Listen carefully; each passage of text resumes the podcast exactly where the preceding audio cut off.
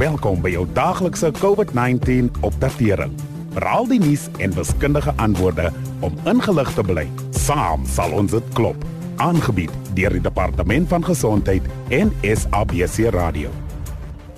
Na mate ons COVID-19 sterftetal nader aan 13000 beweeg, is dit duidelik dat die infeksiekoers in Suid-Afrika nou besig is om af te neem. Maar hoewel die oordrag van die virus nou stadiger plaasvind, is die risiko nog lank nie verby nie. Ons kan nie ons waaksaamheid verslap nie of daar kan weer 'n stygings in die hoeveelheid infeksies wees. Nou dat ons meer sosialiseer en mense buite ons huise sien, is dit noodsaakliker as ooit dat elkeen van ons die reël van fisieke distansiering moet volg, 'n gesigsmasker moet dra en handhigiëne moet toepas. Dit sal nie net vir jou alleen beskerm nie, maar en dit is nog belangriker, ook almal om jou. Dit is veral van toepassing nou dat die reëls van die nasionale inperking nie meer so streng is nie en ons dus meer gereeld ons familie kan sien. Kundiges het reeds bevind dat hoe groter en meer naby ons kontak met ander mense is en hoe langer daardie kontak voortduur, hoe hoër is die gevaar dat ons COVID-19 kan versprei. Dit beteken ons moet ekstra versigtig wees wanneer ons naby ons ouer familielede en ander geliefdes is. Soos mense ouer word, styg hulle risiko vir ernstige siekte as gevolg van COVID-19. Ernstige siekte beteken dit is baie meer waarskynlik dat iemand met COVID-19 in 'n hospitaal opgeneem sal moet word, behandeling in 'n intensiewe sorgeenheid sal moet kry of op 'n ventilator geplaas sal moet word om hom of haar te help asemhaal en selfs dat hy of sy kan sterf. Vandag gesels ons met ons gas sodat ons almal 'n beter begrip kan kry van hoekom ouer mense meer vatbaar is vir COVID-19 en wat ons kan doen om hulle te beskerm en ondersteun.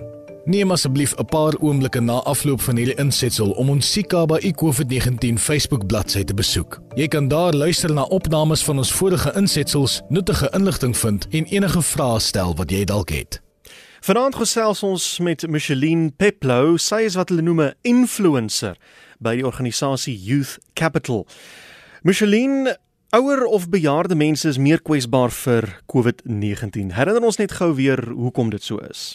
Hulle is om allerlei redes 'n kwesbare kategorie mense. Eerstens, soos ons ouer word, verswak ons immuunstelsels, maar so ouer mens raak makliker siek as hulle aan enige virus blootgestel word. En daar's 'n groter kans dat hulle gaan sukkel om gesond te word van COVID-19. Dan ook het baie van hulle komorbiditeite soos hoë bloeddruk en diabetes. Hoef te veel suiker siekte en ons weet hierdie toestande kan meer ernstige COVID simptome veroorsaak. Verlede maand se statistieke het gewys dat die meeste van die land se COVID-19 sterftes op daardie stadium mense ouer as 60 was.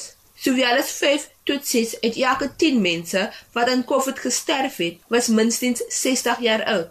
So, as jy in daardie ouderdomsgroep of kategorie val, wees ekstra veilig en versigtig, maar moenie paniekerig raak nie. Onthou die oorgrootste meerderheid mense wat COVID kry, word weer gesond. Hoe kan ons ons bejaardes help, hulle beskerm en on ondersteun?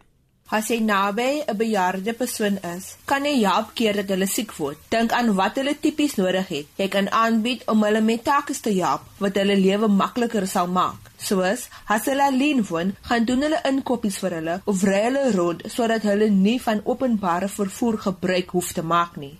Dra jou masker terwyl jy saam met hulle in die kar is. Of as jy pakkies aflaai, jy kan self die inhoud vir hulle afvee met iets so seepwater of kombuisreiniger.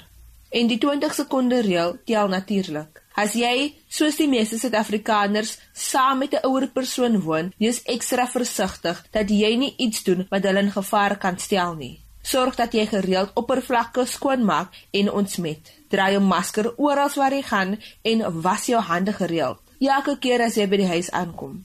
Dink aan hoe jy vir hulle meer ruimte kan gee of hulle selfs kan isoleer. Om vensters oop te hou is 'n goeie begin, maar ouer mense kan gouer koud kry. So hou ekstra komperse by die hand. Moet net nie komperse op borde, koppies en so voort deelneem. Wat van sosialisering? Wat moet ek weet as ek by ouer mense wil gaan kuier? Op vlak 3 was ouer mense en bejaardes aangeraai om hulle self te isoleer en net uit te gaan as hulle regtig moes. Nou op vlak 2 word familiebesoeke en sosiale kuiers toegelaat, maar die amptelike boodskap is: Almal word versoek om uiters versigtig te wees en slegs sulke besoeke af te lê as dit nodig is. Sommige ouerhuise en gemeenskappe het geen besoekers toegelaat nie en hulle het streng maatreëls ingestel oor wie toegelaat was om daarin te kom of uit te gaan. Hulle sal waarskynlik nou hierdie maatreëls verslap, maar moet steeds distansering, maskers en die ontsmetting van oppervlakke afdwing. Die aandklokreël bly ingestel van 10 na middag tot 4 voormiddag. Jy word steeds aangeraai om op 'n veilige manier te sosialiseer, soos deur video-oproepe of gereelde geselsies oor die foon of WhatsApp. Nog 'n idee is om daaglikse foto's te sien, byvoorbeeld van hulle kleinkinders, as hulle foonfoto's kan ontvang. Die beperkings word verslap, maar kan weer ingestel word as infeksiesyfers weer skerp styg. So ons moet almal versigtig wees. Uh, Laaste gedagte dalk van jou kant af, Micheline? Die meeste Suid-Afrikaners woon saam met meer as 2 mense in dieselfde huis en ouer mense is dikwels die broodwenners en of voog. Dit beteken dat dit baie moeilik kan wees om ouer mense te beskerm en isoleer, maar dit is nodig. So ons moet mekaar aan goeie higiëne bly herinner.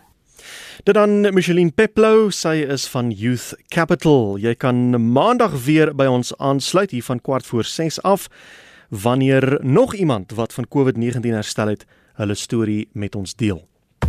Dankie dat u geluister het na die daglikse COVID-19 inligtingstuk aangebied deur die Departement van Gesondheid en SABC Radio in samewerking met die Solidariteitsfonds. Wees veilig, bly gesond. Saam sal ons dit klop.